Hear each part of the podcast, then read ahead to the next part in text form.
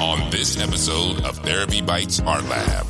Hey guys, this is Doc Heath from Therapy Bites Art Lab. It is Halloween, one of my favorite seasons, and Halloween is a great time to practice being scared.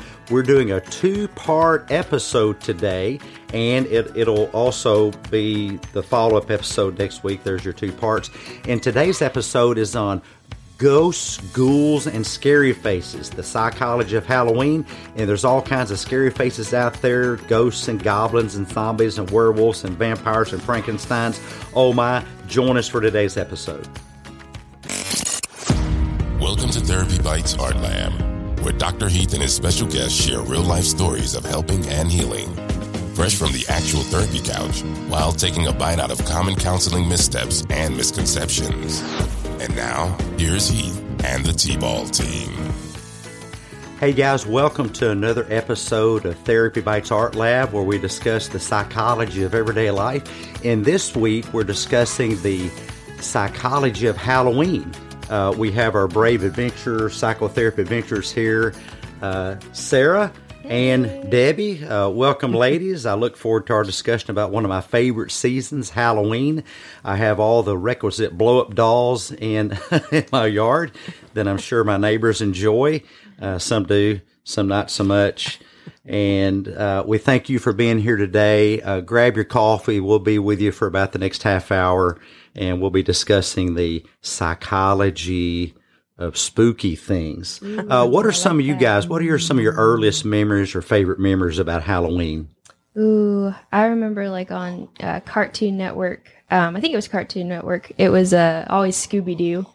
Um, there was all the different Scooby Doo's. There's like Scooby Doo meets a mummy or Scooby Doo meets a vampire. I really liked the obviously, if you look at my name, I liked the pirate episode where there's like this ghostly pirate um, that they had to face, and it always turned out to be just a person in some sort of mask with all these special effects and stuff. But I remember that episode. Yeah. I think I love that episode. I don't think I've ever missed an episode of the old uh, Scooby Doo Mm-hmm. shows. Those are great. yeah. I love it when they solve the mystery. If Mm-hmm. it wouldn't have been for you meddling kids, Yes, and your little dog too. oh, and your little dog too. I think I just mishmashed two shows together. Sorry. Yeah. Oh, it was Wizard uh, the Wizard of Scooby-Doo. Oz. Yeah.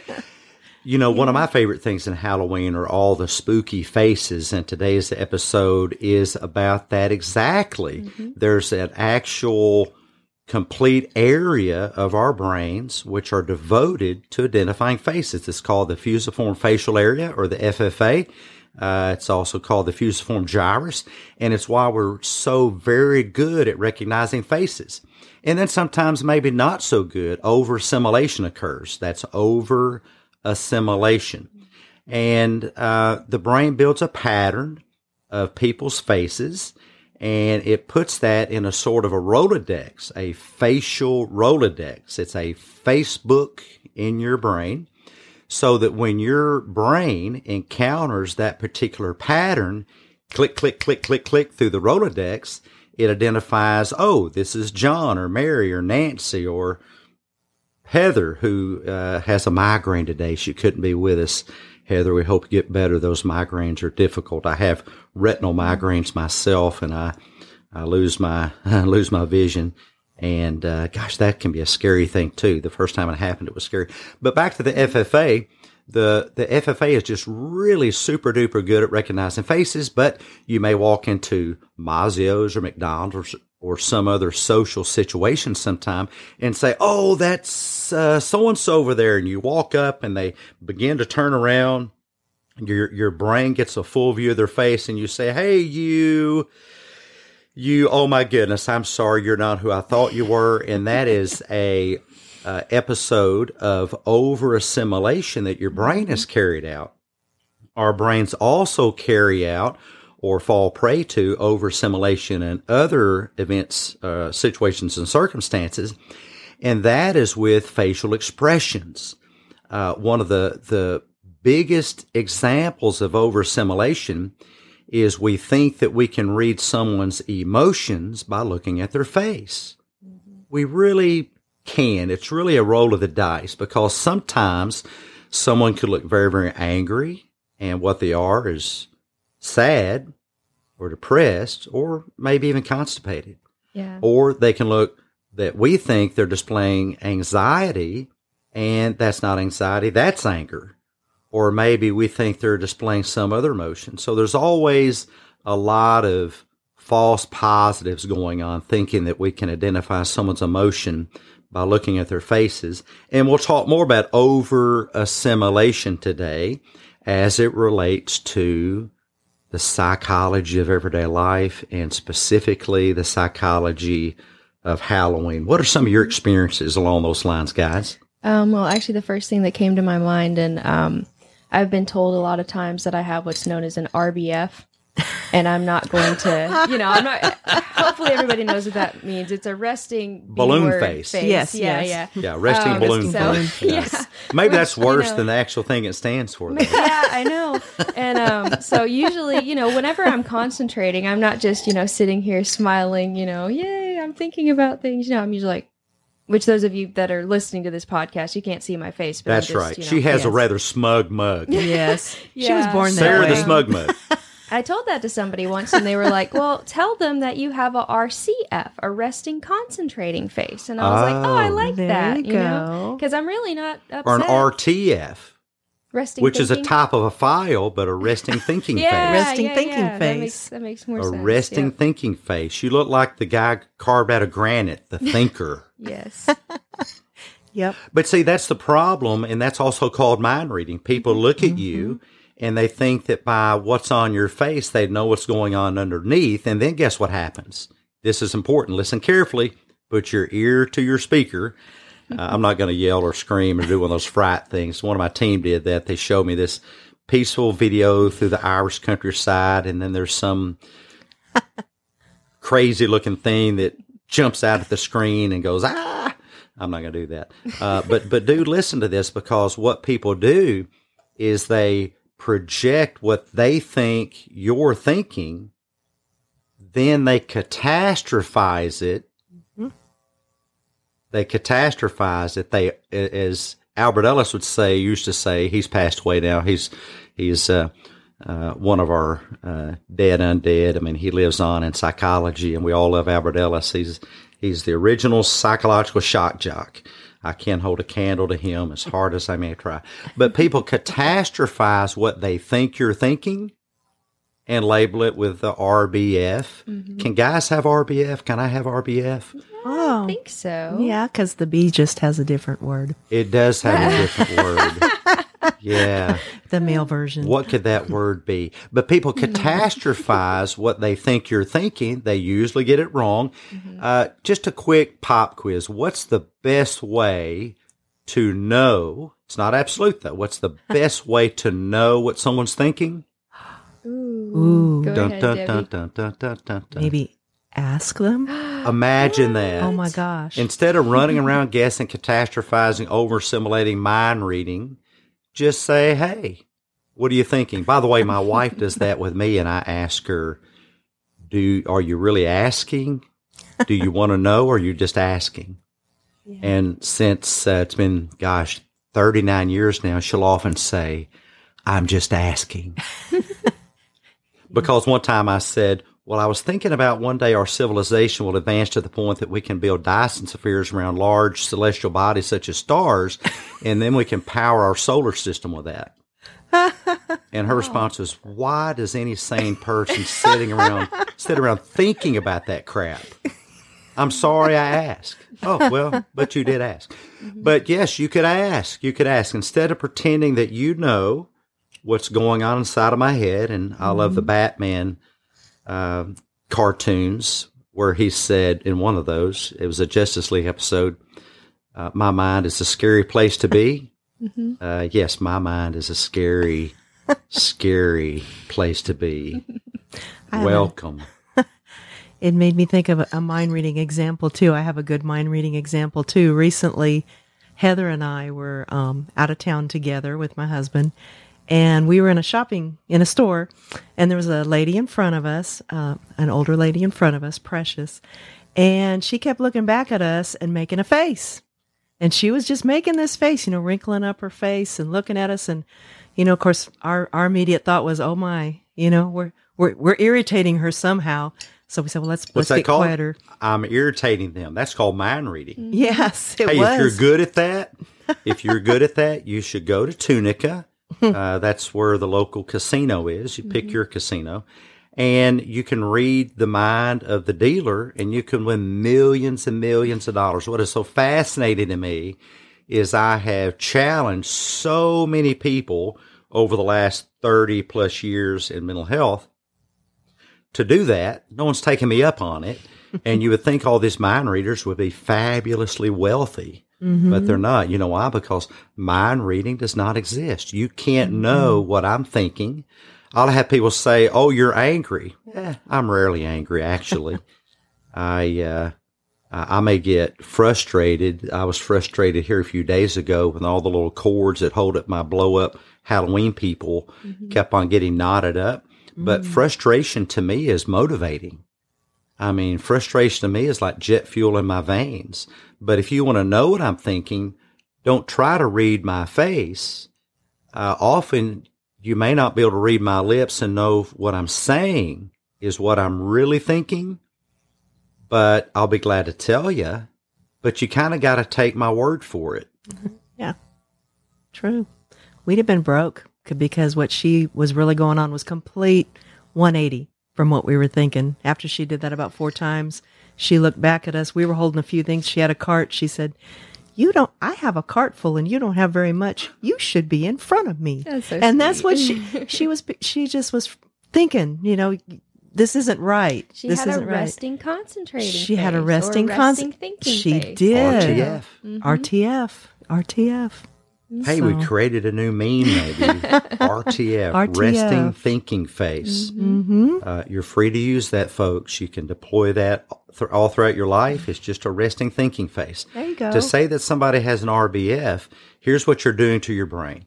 You're looking at their face, and when you now you don't know you're doing this, but this is again the psychology of Halloween, and in particular the the neuroscience of how such thoughts work. And you don't know this is happening in your brain, but this is what's happening in your brain. When you look at a person say they have RBF, uh, and I guess most folks these days knows what that stands for. We don't want to have to pop up the E for explicit on our our podcast, so we'll leave that off. Um, but you're you're really telling yourself that that person's face is a threat to you, and in doing so, you're lighting up a minor, not a big one, but a minor fight or flight response, uh, more toward the level of a disgust response. And then, without knowing it, your brain is telling your body to produce all these hormones to deal with stress, which are unnecessary. Now, if you want to do that, I welcome you to do that. We believe at Therapy Bites that you should have the free will to be as miserable as you want to be. But why would you do that?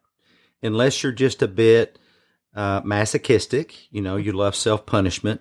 Uh, uh, a song from the 80s, uh, Hurt Me Baby, Make Me Write Bad Checks, I think was in the song. Or maybe that was, who was that? Was that somebody on the Casey Kasem show or something would say that? Hurt me, baby, and make me write bad checks or something. How That's you know, before kinda- my time. Kind of, know. I know, yeah, yeah. So we're, we're, I think I'm it was showing before my age, too. aren't I? No.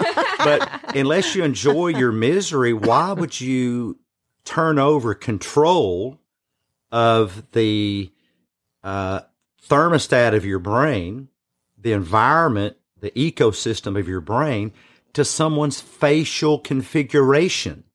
Think about that. What am I going to decide to think about this person's facial configuration? And the psychology of Halloween, Halloween is a great time to practice that very thing because we can expose ourselves to scary faces of zombies and ghosts and Frankensteins and vampires and werewolves and all kinds of ghouls and goblins, oh my, and learn that we can be exposed to, well, maybe faces we're not too fond of, but that doesn't mean that those faces are a threat to us. This podcast is HIPAA compliant. No identifying patient information will be disclosed without permission from patients or guardians. All personal stories will be de identified in order to comply with HIPAA, the NASW Code of Ethics, and the ethical principles of psychologists and Code of Conduct. This is the spooky tale of the disembodied hand. We've had several patients over the years talk to us about gestures and how scary they can be because they grew up in a house that a sudden hand movement, a sudden wave of the hand and the arm meant that they were about to be abused. And that is one of the association problems that we deal with. It's called over assimilation. That hand movement in this present situation kind of brings us back mentally to a prior situation. And the therapy technique that we use is to help collapse that anchor, to help differentiate. I have had patients tell me because I'm big and hand gestures to stop that because that's making me think that I'm unsafe. And that's a real problem avoiding event, situation, circumstances, uh, avoiding a, a person because you think that their hand gesture now, eh, today, means the same thing that that hand gesture meant way back then 20, 30, 40 years ago. The best approach is exposure to expose yourself to that which you believe is unsafe for you, such as a hand gesture. Feel the emotions that come up. Realize that you're not in danger. And little by little by little, degree by degree by degree, you'll be able to heal your brain from connecting event, situations, circumstances in the present with that terrible tragedy, that trauma that happened to you a long time ago. But the more you avoid, the more it will perpetuate that trauma. This Halloween, take advantage and expose yourself to some doable, D O A B L A, doable situations where you can break that connection. Just a tip from Therapy Bites Art Lab. You're listening to Therapy Bites Art Lab, bite sized therapy for your brain with Dr. Heath and the T Ball team. The best advice on the net. No copay required.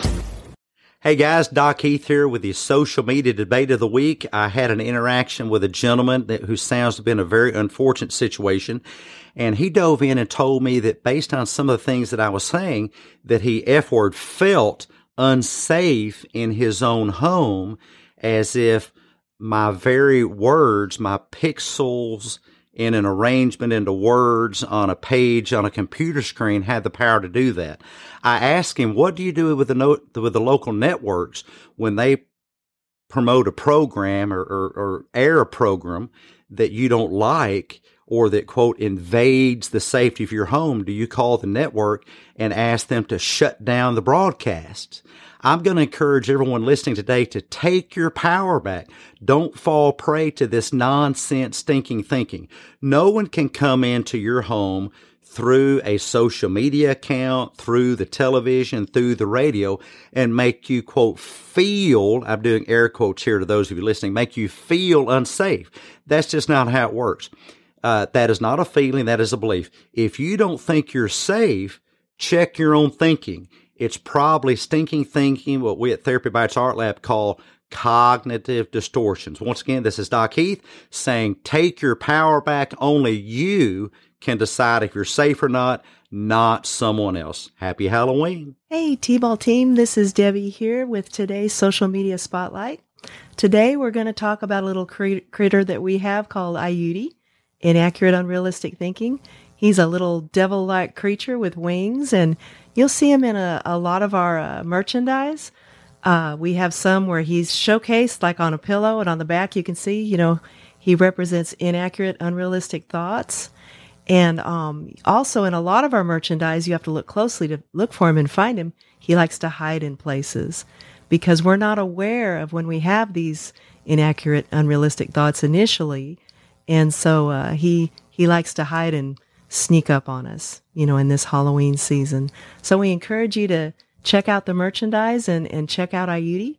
And in all of our merchandise with Ayuti, most of it we have Artie there too, our accurate, realistic thoughts, and uh, that's that's what we encourage you to do is take advantage of those accurate, realistic thoughts. And you'll notice he's very visible in all of our merchandise. So thanks for joining us today. Here's Heath. And the T-Ball team. Imagine going through life cataloging faces as something that is a threat to you. I think that is a royally bad idea. Mm-hmm. What else could we do? I mean, obviously, we want to take each situation one at a time because I think that's where over assimilation really gets us. We take one situation and we overgeneralize it to everything else. And, you know, it just doesn't work that way. You know, everybody is unique and different and everybody has different, different facial expressions and they're going to. And I mean, I think it's kind of, um, unhelpful just to ask everybody else to change the way that their face works, you know, because you can't ever make anybody, you know, you can't just be like PSA to the world. I'm sorry, sir, you but can you change your facial configuration Yeah, exactly. immediately? I'm sorry, ma'am.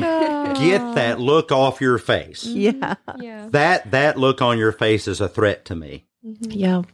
And, you know, something that I, I I bring up a lot because I really think it's really important too is that when we look at people and we look at their faces, don't, don't make a judgment. You know, they're thinking this, they're thinking that, they're thinking, I'd like to think about it from curiosity. Hey, I wonder, I wonder what they're thinking. I wonder what's going on.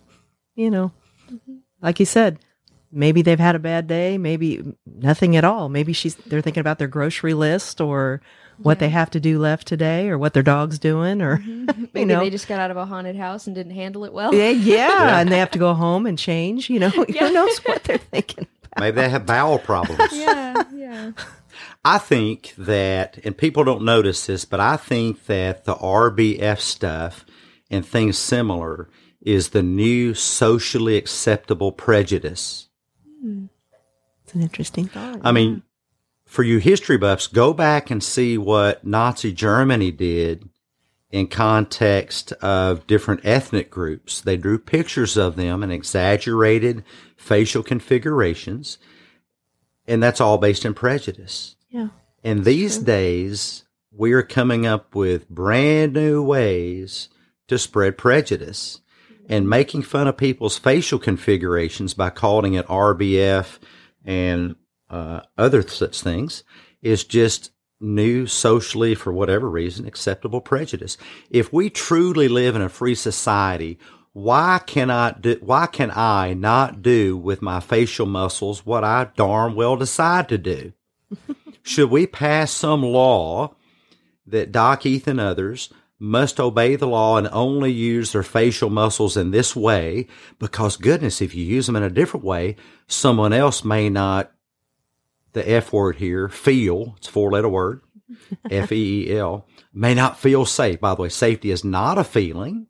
There is no feeling that will tell you if you're safe. There's no feeling that will tell you if you're not safe. You'll notice when you hop on an airplane, the pilot does not get over the overhead and say, folks, we're about to take a, a poll to see who all feels safe. and if it's more than 50%, we'll take off. If it's less than 50%, well, we're grounded. Why?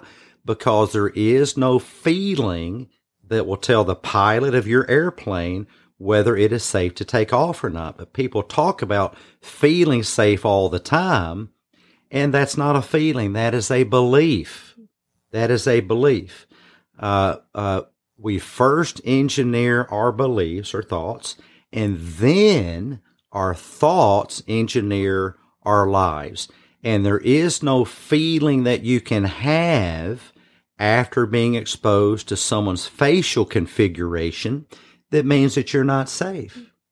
Uh, what are some of the, the faces uh, that you guys are most afraid of in, in Halloween of the zombies and the werewolves and the Frankensteins and all that? Ooh, I think to me, anything that's like super gory and grotesque, just I have a, a hard time with that sometimes. I'm just like, ooh, I don't want to see that.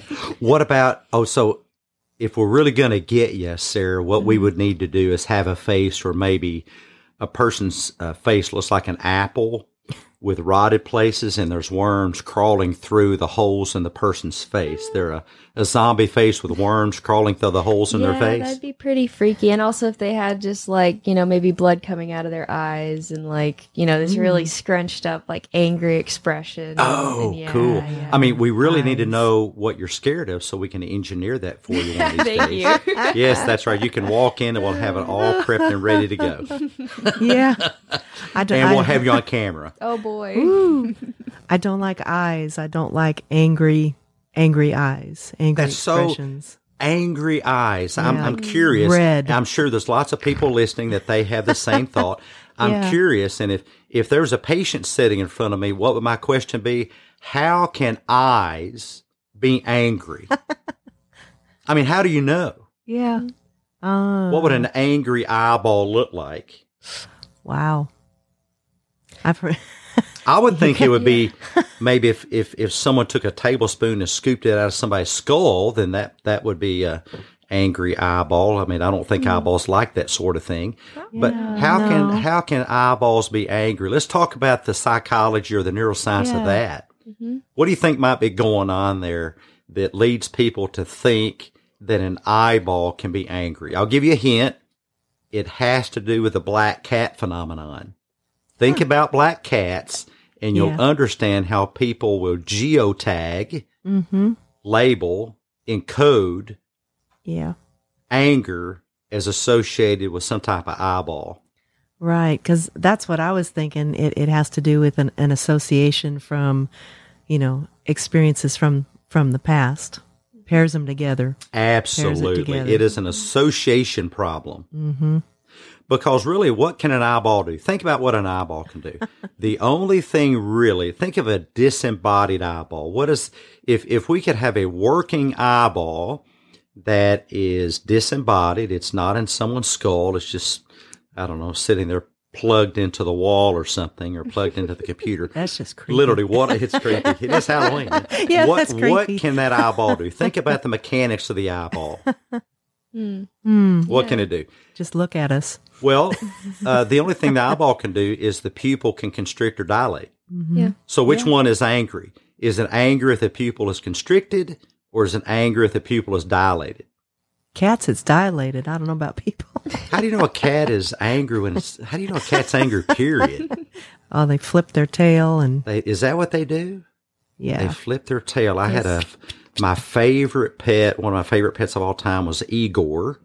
I brought him from Nashville, Tennessee, my uh, city of origin, and he lived to be 18 years old. Wow. And I just loved loved Igor. Aw. He uh, broke his leg. He developed cancer in the leg, and I had to assist him over the Rainbow Bridge, putting him to sleep. And I buried him, and I miss him every day.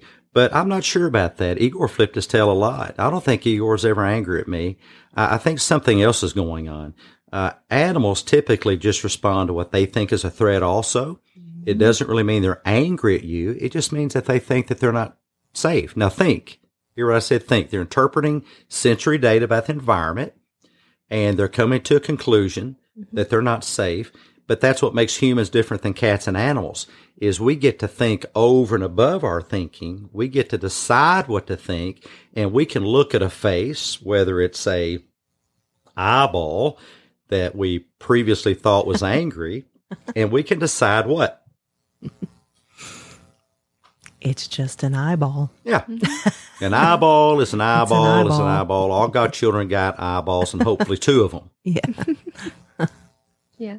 Well, and I mean, when you're talking about like horror stuff, like um, haunted houses and, and stuff like that, their goal is to scare you. You know, they want to Yeah. get a certain response out of you. So why would they behave any differently? That's true. You know, that's that's their whole entire and and to create like a fun experience because a lot of people enjoy that kind of adrenaline rush.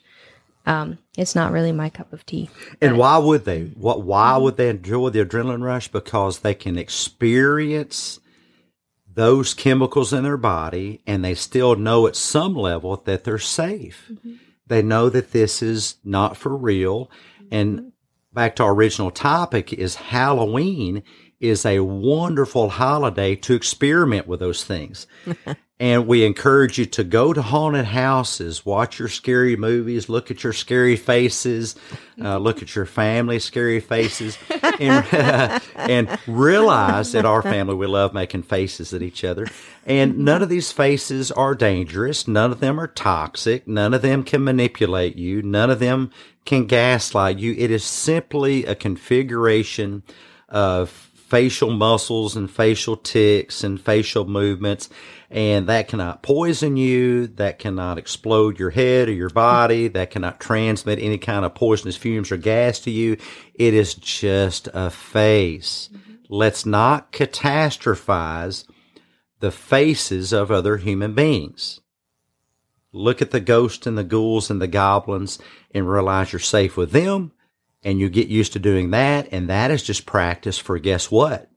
Those faces at work that you may be catastrophizing. Those faces at your local university of professors that may just kind of have a cranky personality. That's just their thing. Everybody has a behavioral style. Uh, the faces of those people in a tra- in traffic uh, at a traffic stop next to you, Yeah. those faces of people in line at the grocery store at Walmart.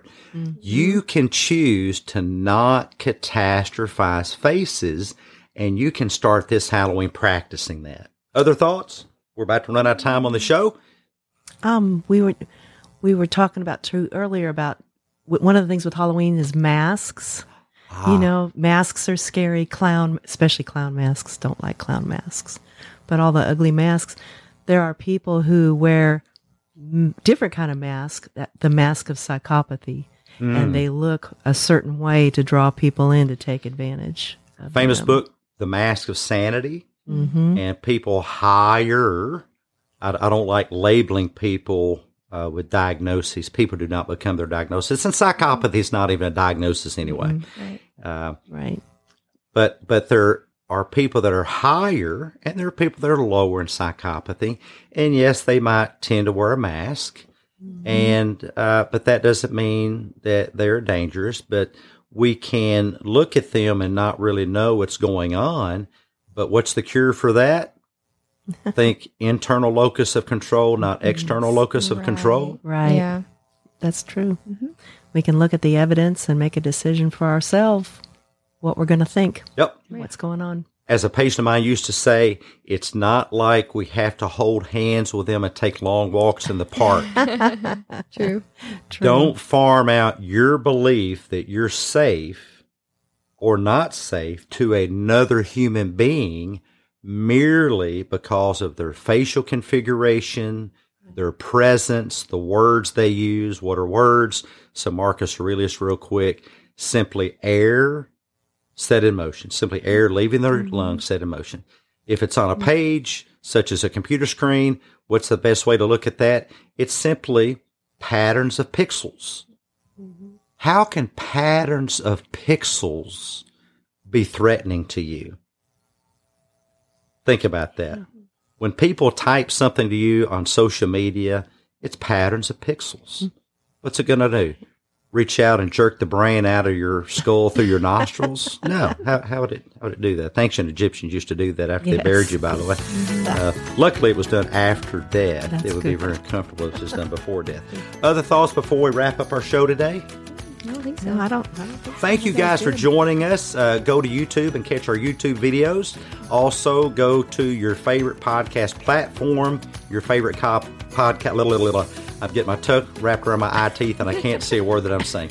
Uh, go to your favorite podcast player and download all of our episodes. I think we'll have, uh, we currently have six episodes plus a bonus.